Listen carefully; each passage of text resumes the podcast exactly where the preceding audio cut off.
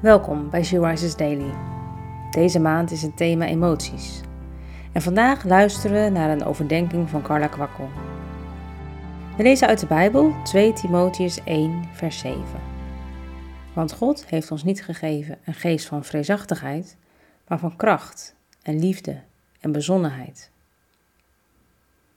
Deze brief van Paulus aan Timotheus begint met: Ik dank God dat ik dag en nacht voor je kan bidden. Wat heerlijk voor Timotheus om zo'n brief te ontvangen van zijn geestelijke vader, die notabene zelf gevangen zit en door strijd en moeite gaat. Naar iemand die veel meemaakt, zul je zeker luisteren als hij zegt: Wees niet bang, houd stand. God heeft je geen geest van vrees gegeven, maar van kracht en liefde en bezonnenheid. Ken jij ook zo iemand die voor jou bidt en je bemoedigt? Dan ben je gezegend. Maar als je niet zo iemand hebt, Lees dan deze brief alsof die aan jou persoonlijk gericht is. Neem het ter harte. Ik weet zeker dat het je zal raken.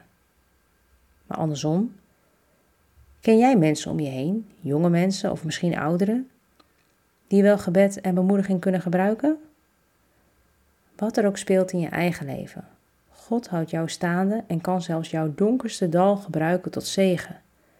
Want hoe jij leunt op de Heer Hem ondanks alles blijft vertrouwen, zal hen overtuigen dat God door en door betrouwbaar is.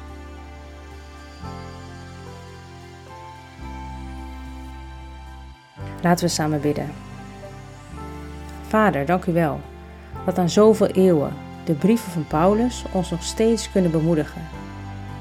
Wij mogen zijn woorden ook ter harte nemen. We hoeven niet bang door het leven te gaan.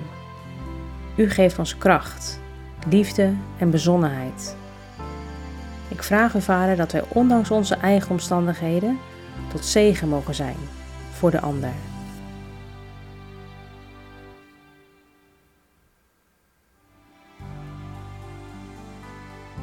Je luisterde naar een podcast van She Rises.